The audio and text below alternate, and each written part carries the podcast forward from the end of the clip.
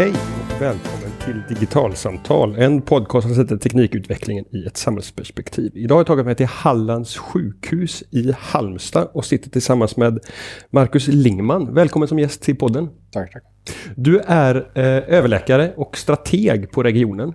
Mm, och stämmer. jobbar med utveckling av vård. Och vi pratade lite innan här om att, att jag kom hit för att prata om digitalisering, men du, du slår fast med en gång att det är egentligen ett, ett begrepp som i det här sammanhanget är, är ganska meningslöst att prata om, därför att det går inte att, att bedriva vård idag utan att också ägna sig åt digitalisering.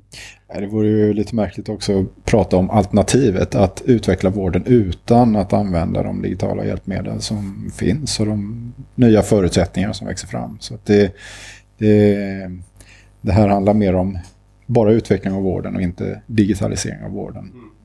Det, det, den nya tekniken är en naturlig del i verktygslådan för att, för att bedriva en så patientsäker och effektiv och resurssnål vård som möjligt. Ja, absolut. Eh, och vården har ju inte varit snabbast i Sverige på att ta till sig eh, de nya verktyg som finns. Eh, på gott i vissa fall eftersom vi har en stort ansvar vad gäller patientsäkerhet och integritet och, och så. Men, men vi har också en skyldighet att ta till oss det som kan skapa nytta för våra skattebetalare men också förstås patienterna. Um, strax före, före jul så kom det en, en pressrelease från eh, SKR, tidigare SKL, Sveriges kommuner och regioner och AI Innovation of Sweden som är en forskningssatsning på hur, hur eh, svensk offentlig sektor bland annat kan, kan dra nytta av AI. Där man eh, drar igång en, en satsning på, jag citerar ur, ur pressreleasen, en innovationsmiljö för en mer inform, informationsdriven, individanpassad och skalbar sjukvård genom AI-tillämpning. Och i det här pressmeddelandet så lyser Region Halland fram som eh, en föregångare och någonting som, som andra regioner i Sverige kan, kan ta lite sikte på och titta på vad ni har gjort. Eh, kan vi inte börja med något konkret exempel? Vad, vad, vad, är, vad är det det här handlar om som faktiskt gör skillnad i vården? Ja, det, högt och lågt är väl eh, sammanfattningen. Men det, det det handlar om till stor del eh, när det gäller att dra nytta av, av digitalisering det är att faktabasera vården. Alltså faktabasera både beslut och utveckling av vården men också beslut och eh, hanteringen, handläggningen av patienterna på individnivå. Så det är både på systemnivå och på individnivå. Och det, vi har ju varit ganska dåliga i Sverige eller i vården eh, i synnerhet på att nyttiggöra all den data som ständigt genereras i alla våra hundratals mjukvarusystem. Vi har ju röntgensystem, vi har journalsystem, vi har personalsystem och ekonomisystem. Eh, och eh, det, det vi har, tror jag, lyckats lite bättre med än, kanske en del andra, det är att skapa nytta av all den eh, data som, som måste ta vägen via att bli information för att skapa nya insikter. Så att vi kan handlägga patienter på ett bättre sätt, forska på ett bättre sätt och utveckla vården som system på ett bättre sätt med sammanhållna vårdkedjor. Och eh, inte göra detta baserat på vad vi tror är bra utan faktiskt till och med kunna räkna oss fram till vad som är det bästa. Och, och det handlar då, som du säger, både om att, att göra det här för den enskilda patienten, att, att hitta rätt behandling eller s- säkerställa en diagnos, men, men också om att på en systemnivå se till att, att resurser eh, används på, på, på bästa möjliga sätt. Absolut, både och. Vi är ju skyldiga eh, enligt lag att använda de resurser vi får till oss på bästa möjliga sätt. Det är ju skattebetalarnas pengar som vi ska förvalta och skapa patientnytta för. Och samtidigt så våra patienter, de vill ha en trygg och säker och modern vård. Eh, så att vi behöver nyttiggöra information som vi har tillgång till både på individnivå för individens skull och på systemnivå för våra finansiärers skull och det är ju vi alla skattebetalare. Det låter som det, det, det här är något som sker i flera steg. För du börjar med att prata om att, att ni har data som ska bli information som sen ska lägga till grund för olika typer utav, utav beslut. Vad, vad är det för typ utav, utav förädlingsresa som, som, som sker här? Mm. Alltså, alla sjukvårdssystem sitter ju på mängder av mjukvaror som vi använder i vår vardag. Det är ju operationsplanering, det är personalschemaläggningssystem och journalsystem och andra eh, där Eh, det genereras massa data som lagras. Och det, så har det varit länge. Eh, men data i sig har ju inget värde om man inte gör den till information. Det vill säga någonting eh, användbart. Och informationen gör inget värde, skapar inget värde om man inte drar nya in, alltså får nya insikter av den här informationen.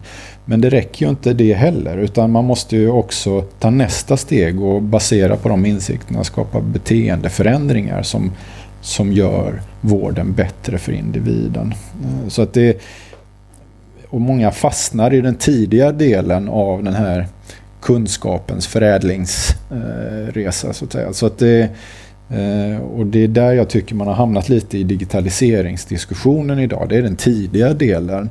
Men det är nog så viktigt att se till att för att nyttiggöra all informationen att man kan löpa linan hela vägen ut så att, det, att någon pass, enskild patient eller något utvecklingsbeslut kring vården faktiskt eh, skiljer sig från hur man hade gjort utan den här kunskapsresan. Så att det inte blir digitalisering för digitaliseringens skull utan att man faktiskt tillför ett värde i, i, i slutändan? Ja, digitalisering har ju för mig inget egen syfte utan det är ju en uppsättning av verktyg kan man säga för att möjliggöra det vi egentligen vill åstadkomma och det är ju att följa hälso och sjukvårdslagen, det vill säga skapa god och säker vård eh, på ett effektivt sätt. Så, och I grund och botten handlar det om att förlänga och förbättra liv. Och kan vi inte visa det eh, med våra digitaliseringsinstrument, ja då ska vi kanske lägga pengarna någon annanstans. Men vi tror ju ändå att det kommer eh, och vi vet att det har kommit verktyg från digitaliseringsverktygslådan som kan bidra till hela den här förädlingsresan. Då. Har du något sådant konkret exempel på vad ni faktiskt har gjort? Ja, vi har ju eh, haft förmåga då att faktabasera hela vårdkedjor. Jag vet inte om man kanske alltid tänker på det som patient idag att vårt vårdsystem eh, om man har en sjukdom som, ha, som där man har behov av många olika insatser så får man dem från ett, ett ganska fragmenterat vårdsystem idag som ska agera tillsammans för att du ska få ditt bästa omhändertagande. Och då, för att garantera det så måste vi ha information från alla de här fragmenten av vårdsystemet. Eh, och då har vi lyckats eh, systematisera så att vi kan följa vårdkedjorna för våra patienter. Bara, det låter kanske banalt men det är Eh, få som kan det idag på ett eh, riktigt sätt. Vi kan också kom, eh, kombinera det med kostnaderna så att vi vet, vi kan räkna ut att vi handlägger patienterna på det mest kostnadseffektiva sättet utifrån eh, ett kvalitetsperspektiv. Så man börjar i kvaliteten och säger det här vill vi uppnå hur gör vi det med klokast resursanvändning och var ska vi lägga våra resurser i vårdsystemet. Men sen finns det ju helt eh, liksom mer cutting edge, eh, forskningsnära applikationer där vi eh, har lyckan att ha ett eh, framgångsrik eh, AI-forskning, ett eh, framgångsrikt AI-forskningscentrum i vår närhet som vi, på högskolan? På högskolan här som vi samarbetar tajt med. Eh, där vi har kunnat ta fram maskininlärningsalgoritmer för att förutspå saker som vi helst inte vill ska hända. Det vill säga om vi har haft en person eh, inlagd på sjukhuset så vill vi helst att den ska må så bra och ha en så bra planering eh, när vederbörande kommer hem att man inte behöver komma tillbaka till sjukhuset så snabbt igen. Eh, men utan de här avancerade eh, analyserna så är det svårt att veta vilka det är som löper risk att komma, behöva komma tillbaka snabbt till sjukhuset. Och då har vi utvecklat eh, AI-modeller för att eh, hjälpa oss förstå vilka individer det är. liksom när vi har eh, haft en, en person på akuten som har behövt eh, hjälp med någonting. Vilka är det som har eh, en trygg, eh, vad ska man säga, nära framtid när de har gått hem från akuten. Det är stödsystem som, eh, där AI har stor potential att stödja läkarnas bedömningar. I den faktiska utskrivningssituationen då, eller in, in, inför den? Inför den, ja. Så ja. att eh, vi håller ju på, medicinen håller på att gå från det vi kallar för deskriptiv medicin, det vill säga att man har beskrivit eh, diagnosen och, och så, nuläget till prediktiv medicin, det vill säga att man bygger, på, man bygger sitt agerande på det som förväntas hända. Eh, och i framtiden kanske man kommer att ta steget till det jag ibland benämner som preskriptiv medicin, det vill säga automatiserad medicin. Där är vi inte av flera olika skäl än, men, men eh, om man tittar i, i de stora vetenskapliga tidskrifterna så är det väldigt tydligt vart vi är på väg och där, där, där eh, modellering alltså blir eh, skarpare och skarpare och bättre och bättre att man till slut kan automatisera, det vill säga låta algoritmen eh, fatta själva beslutet. Och det där vi är närmast eh, det läget, det är inom bilddiagnostik, det. så röntgen. Mm. Om, man hänger, om vi hänger kvar vid det här konkreta exemplet med, med, med liksom att, att förutspå med hjälp av AI och maskininlärning vilka patienter som riskerar en, en risk för, för, en, för en, en snar återinskrivning igen. Mm. Eh, handlar det om att, att då eh, ha ett, ett, ett, ett system som är över tid upptränat på att titta på olika typer av journalanteckningar med, med språk, språkförståelse och, och, på de mer strukturerade data som finns i en journal med, med, med provtagning och så vidare och hitta de här indikatorerna på att en, en, en, patient som ser ut på det här sättet i journalen behöver vi hantera på det här sättet för att minska risken för honom eller henne att, att behöva komma tillbaka. Och det handlar ju då inte bara om journalinformation Nej. utan det är ju patientens hemsituation som har betydelse, kommunens insatser, kommun, eller personens sociala situation. Eh, och eh, när vi byggde den modellen så eh, det handlar ju om mönster, att hitta mönster i informationen som förutspår saker som vi vill kunna agera på innan det händer. Eh, och i det fallet så hittade algoritmen 1072 faktorer som på något sätt hjälpte algoritmen att förstå risk för, i det fallet, då, återinläggning. Eh, medan i andra algoritmer så behövs det mycket färre faktorer för att kunna generera den här insikten. Um, den här andra typen av system som, som du nämnde tidigare, som inte, om, om vi kallar de AI-systemen för cutting edge, så, så, så, det här att, att titta på de här liksom vårdflödena och kvalitetssäkra dem. Är, är, är, blir det liksom ett, ett, nytt verktyg, ett mjukvara som lägger sig över de befintliga systemen och hämtar data ur alla de här för att kunna säkerställa att all information finns tillgänglig från alla de här olika vårddelarna eh, för en behandlande läkare på en vårdcentral och så vidare? Eller kan du konkretisera lite grann vad, vad, vad det är för typ av lösning det handlar om? Mm.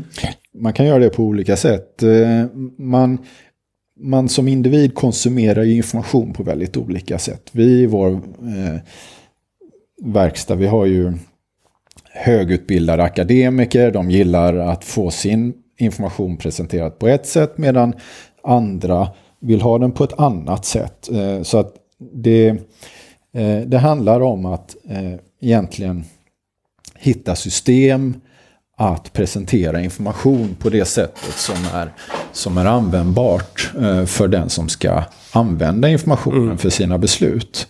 Eh, så att det, även det är på flera olika sätt. För att möjliggöra det eh, så var vi, vi, vi la mjukvara direkt på datalagren i form av Python och R och den typen av mjukvara som man kan använda för att programmera självkörande bilar och annat om man vill det. Men också prediktera och identifiera mönster i, i vården.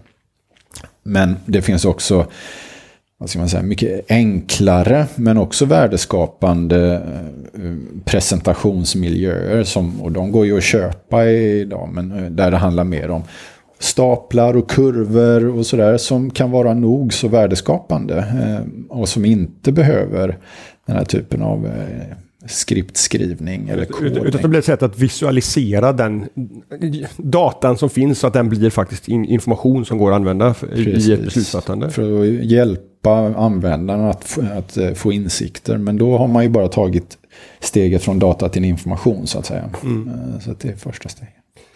Um, för mig som inte jobbar i vården, men som besöker ett sjukhus ibland för att göra intervjuer eller med, eh, i, i, eget sammanhang någon gång, så, här, så, så, så, framstår ju vården som en väldigt komplex miljö mm. med väldigt många olika lager. Och, och, det är vården och det är administrationen och så vidare. Mm. Och så kommer nu en helt ny verktygslåda här.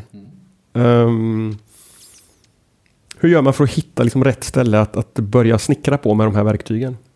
Man provar sig fram. Och det, för att det här finns ju ingen playbook för. Det finns ingen instruktionsbok för hur man skapar informationsdriven vård. Den kanske jag skulle skriva någon gång för, utifrån vårt perspektiv. Men, eh, men här är ju, här blommar ju tusen blommor just nu. Eh, och många trevar sig fram. Det här eh, pressreleasen som du refererar till, det är ju ett Vinnova-finansierat projekt just för att Eh, lära, vi ska få chansen att lära oss mer men också att eh, fler ska kunna samarbeta för att lära sig tillsammans kring hur man gör den här resan eh, kring informationsdriven vård. Eh, och det, så det finns inget svar på den frågan hur man gör idag. Det viktiga är att man börjar och att man vågar och att man förstår att det här är knöligt. Det är etik, det är juridik, datatekniken är det enkla.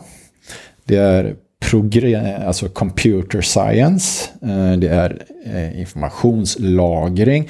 Det är så många aspekter där jag tror att, eh, jag brukar säga att utvecklarna, de förstår inte utmaningarna. Men användarna förstår inte potentialen. Och någonstans måste man mötas kring detta. Och det, till slut så kanske vi hamnar i ett läge där man blir anklagad för underlåtenhet helt enkelt. Om man inte har använt potentialen i, i de förmågor som växer fram. Eh, den kunskap som växer fram inom detta fältet. Men jag hade en flyhänt... Men, men, det, där, det kokar ner till ett resonemang som jag känner igen. Både jag, jag har gjort ett antal intervjuer med, med framstående svenska AI-forskare kring ja, men så här, generellt hur ska man liksom så här, dra nytta av den här möjligheten. Men också en del intervjuer i, i det privata näringslivet kring, kring hur man ser på digitaliseringsprocesser där. Och, och det som du kommer in på här återkommer ju ganska ofta det här att det, det krävs ett möte här mellan ganska många olika kompetenser. Alltså mm. de som kan tekniken, mm. men de som kan verksamheten Mm. Och sen som du också är inne på här, liksom de som kan juridiken och etiken kring vad det är vi, vad det är vi vill göra. Hur, hur har ni i, i Region Halland gjort för att liksom få till den här häxkitten som, som, som gör liksom det, här, det här möjligt? Eh, vi har väl haft lite tur kan man säga. Eh, nej, vi har jobbat hårt men vi har också haft tur. Eh, att ha personer som har både haft eh, intresse och kunskap av de olika perspektiven. Men också lyhördheten och, ut och ödmjukheten. Eh, första insikten behöver vara att man kan väldigt lite av detta själv. Eh, för man har alltid ett perspektiv med sig in i det. Får jag stoppa det där? För då blir jag nyfiken. Mm. Vet lite själv, pratar du i det här läget om individen Marcus Lingman eller pratar du om eh, organisationen eh, Hallands sjukhus? Eh, i, ja, individen Marcus Lingman definitivt, mm. men, men jag tror alla jag har ju förmånen att ha en bakgrund inom ingenjörsvärlden, inom läkarvärlden och inom ledning och styrningsvärlden som, som chef då under något decennium. Eh, och forskarvärlden eh, med min forskarbakgrund. Så att jag kanske haft lite enklare än, än andra att tala varandras språk. För att redan där eh, har, man, har man läst ekonomi så lär man sig lite ekonomilingo. Eh, och det, det som man slås av när man kan lite olika språk, det är att alla pratar egentligen om samma sak. Alla vill att skattebetalarnas pengar ska skapa så mycket nytta för så många individer med sjukdom som möjligt. Det är inte, vårt uppdrag är ju liksom konceptuellt superenkelt på det sättet. Men ändå lyckas man prata förbi varandra. Eh, om man använder det juridiska språket eller computer science-språket eller vårdspråket eller ekonomispråket eller vad det nu är för språk. Eh, och då, så man måste ta den tiden och sätta sig runt samma bord och faktiskt försöka stå, förstå varandra. Eh, men när man har gjort det, då skapas magi. För då fattar man att alla drar egentligen åt samma håll. Det är ju ingen som vill någon illa. Eh, och det, och det är det ena. Det andra är att vi har haft turen att ha de här olika förmågorna inom eh, nästan armlängds avstånd.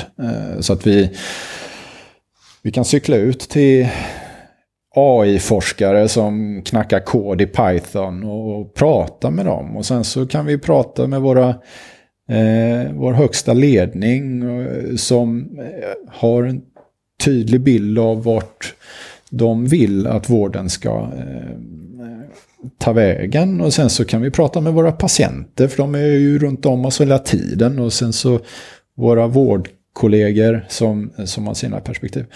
När man lyckas samla de här och skapa insikter tillsammans eh, så går det ganska snabbt att flytta sig framåt. För att komponenterna var och en för sig är inte så komplicerad. Utan det är att få dem att samverka. Kan man på det sättet skapa en, en, en efterfrågan i organisationen? Eh, att, att man ser att här har vi ett problem. Mm. Och så tänker att, att det här kanske liksom Marcus och hans kollegor kan, kan, kan, kan hjälpa oss att lösa. Och så mm. komma och knacka på dörren här. Eller, eller är det mer att ni ser att det här skulle vi vilja testa? Alltså vi började ju med att testa för att vi vågade inte öppna oss som en serviceinrättning från början. För vi visste inte om vi kunde erbjuda det vi trodde. Så att vi hade ett antal pilotprojekt eh, där vi skapade de här förmågorna explorativt, iterativt. Nu har vi byggt något som vi kallar för Centrum för informationsdriven vård. Eh, och dit kan man eh, vända sig om man har någonting som man vill förstå bättre. Om man är politiker eller beslutsfattare inom administrationen eller, eller man är medicinskt ansvarig för något område. Så kan man bearbeta frågorna där och djupanalysera dem på bredden och då inte utifrån ett siloperspektiv, för det är väldigt viktigt. Alltså inte utifrån organisationsträdet, utan vad är syftet? Vad är det vi vill veta? Eh, och det eh, senaste exemplet är, blodförgiftningar. Alltså hur, hur upptäcker vi dem så tidigt som möjligt? Eh, hur ter de sig i, i i vårdsystemet. Alltså om du skulle få blodförgiftning så skulle du ju inte begripa att det var det du hade. Du skulle känna någonting som du skulle söka hjälp för kanske. Och då skulle du söka den hjälpen där du trodde att du kunde få hjälp. Eh, men det är ju beroende på vad du tror att du har. Så du kanske hade ringt 1177 eller gått till din vårdcentral eller åkt till akuten eller vad du nu hade hittat på. Eller ringt din mormor för hon är en klok kvinna. Eh, så alla kommer ju in i vården från olika håll. Och det är väldigt viktigt att förstå. Eller ett annat, eh, ett annat aktuellt ämne är ju psykisk ohälsa. Eh, hur kan vi skräddarsy interventioner, utveckling av vården så att den angriper faktiskt problemen och inte utsmetade åtgärder av att nu ska vi satsa 100 miljoner på psykisk ohälsa och så sprider man ut det och hoppas att det, att det ska ha eh, väntade effekter. Tills att vi nu kan eh, eh, arbeta med, precis som inom medicinen, precision medicine, nu då precision management. Det vill säga vi kan analysera och pinpointa rotorsakerna på ett helt annat sätt än, än tidigare. Då. Vi kan se mönster. Finns det en risk att man, att, att man i din position här och tillsammans med din kollega får liksom en övertro till liksom de analyserna som, som, som, går att göra och börja springa på fel bollar för att det här kan vi analysera men, men det här kan vi inte analysera och därför väljer vi det här. Men det egentligen hade gått bättre att göra någonting där borta. Ja, precis. Man, man följer spotlightens Ja, ljus. men lite så. Mm. Ja, eh, och det här är ju ett välkänt eh, problem inom forskningsvärlden. Man forskar på det man kan forska Mm. på. Eller i analytikervärlden, man analyserar det som går att analysera. Och så, eh, jag gillar Donald Rumsfelds uttalanden innan de gick in i Irakkriget. The only thing we fear are the unknown unknowns. Det vill säga, vad är det vi inte ens begriper att vi ska söka efter idag. Eh, Och det finns ju statistiska metoder att ta reda på det. Men, men det är därför det är så viktigt att ha bredast möjliga anslag på frågorna eh, från början. För du kan inte veta svaret innan du börjar. Då ska du inte ställa frågan. Då Nej. är- ska du agera. Men, men, men det blir ju ändå ett... ett, ett det, det finns ju inte resurser att svara på alla frågor som, som, som dyker upp, tänker jag. Nå, någonstans behöver du ändå göra en, ett, ett vägval. Liksom, den här frågan är faktiskt värd att, att kasta lite pengar på för att, för, för att få ett svar. Den här frågan får faktiskt vänta för att vi tror inte utifrån vad vi kan nu. Hur, liksom, den, den avvägningen, det, det beslutsfattandet, hur, hur, hur går det till? Mm. Uh, ja, hos oss så går det till uh, så att uh, de, de som vad ska jag säga, managerar eller äger Centrum för informationsvård gör en värdering. Är detta eh, alltså alla, alla frågor är ju, har ju en klok baktanke. Absolut. Eh, och, men det är ju som du säger, då, då får man på något sätt värdera från gång till annan om är detta eh, är den möjliga insikt vi kan skapa baserat på de analyser eh, som vi gör kan de ge en, en tillräckligt stor impact.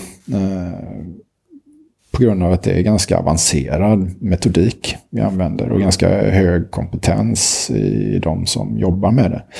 Så att det, Det handlar om att hitta de ställena där, där liksom investeringen får störst hävstång på något sätt. Liksom, Mest pang för pengar. Ja, mest bank för pengar. Mm. Mm. Så det är det. Och det.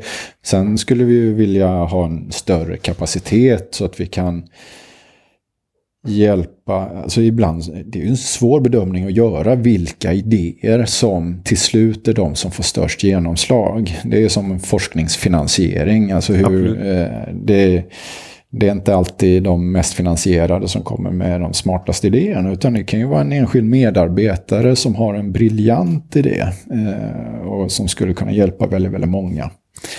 Eh, så att det, ja, det är en grannlaga uppgift som vi lägger mycket krut på. Men, men eh, där vi försöker lägga tiden på det som gör störst värde för patienterna. Mm.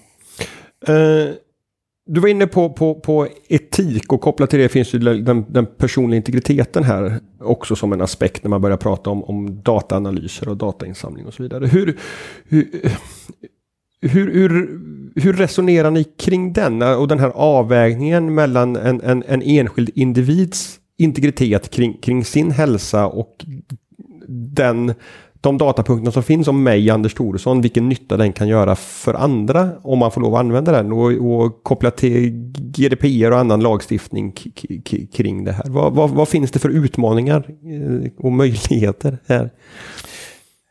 Alltså integritetslagstiftningarna, de är ju många. Eh, De finns ju till för att skydda oss som individer, så det är ju inget konstigt i sig.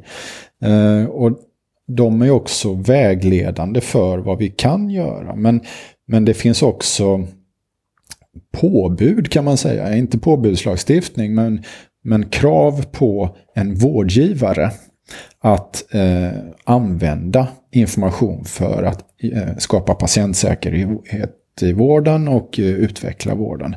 Så att vi har ju till och med en skyldighet som vårdgivare att göra detta jobbet som vi gör. Så, eh, och utmaningen är när man eh, ska kombinera om man behöver det eh, information från flera olika vårdgivare eller egen information med information som vården har genererat. Egen information själv. i det här fallet, typ om, om man går med en pulsklocka på sig. Mm. Ja, det finns ju hundratusentals eh, datakällor idag. Så man, eh, och skulle jag fråga dig så eh, om du vill ha din data använd för att skapa en säkrare vård för dig och dina medmänniskor så är ju eh, statistiskt sett ditt svar ja i 95% av fallen. För det har man gjort studier på helt enkelt. Och det, så att, men man vill ju inte ha en äventyrad integritet. Mm. Och det, måste man, det ska man respektera. Eh, men här är ju då en avvägning som till slut blir av politisk karaktär. För att den, den här kan ju inte var och en sitta och ha en egen bedömningsworkshop. Eh, liksom, utan här måste ju lagstiftaren vägleda. Det pågår ju en hel, ett antal utredningar i alla fall kring hur man kan nyttiggöra information från vård. Eller från, men det är ju inte bara vård. Alltså hur du kör din bil skulle säkert vara väldigt intressant för för hur vi bedömer ditt hälsotillstånd. Mm. Eller hur du knappar på din smartphone. Eller hur du pratar i radio. Eh, alltså det, det finns många saker som, som beskriver din hälsa. Eh, långt mer än bara vårdens eh, information. Och det som är intressant, som kanske är nästa steg, är hur kombinerar vi alla de här informationskällorna. För det vi prat, har pratat om hittills det är ju bara information som vården har. Men du själv har ju, för att inte säga Apple eller Android eller vilket system du nu har, har ju enormt mycket information om din hälsa också. Eh, och det, vi skulle ju helt säkert kunna skapa en mer sammanhängande, tryggare vård för dig med mer informationstillgång men det får då inte ske eh, på bekostnad av, av liksom din integritet så som du vill ha den. Men man kan säga att människors bild av integritet är ju väldigt variabel. Mm. En del häver ur hela sitt innersta liv eh, på, eh, på sociala medier medan andra drar ur eh, wifi-nätverket på natten för att det liksom inte så att här, här finns ett stort spann. Men där, som, som du säger, det, det, det, är till syvende och sist är politiken som behöver sätta ner foten och, och bestämma för hur, hur, hur, ska data få lov att användas och hur ska den inte få lov att användas?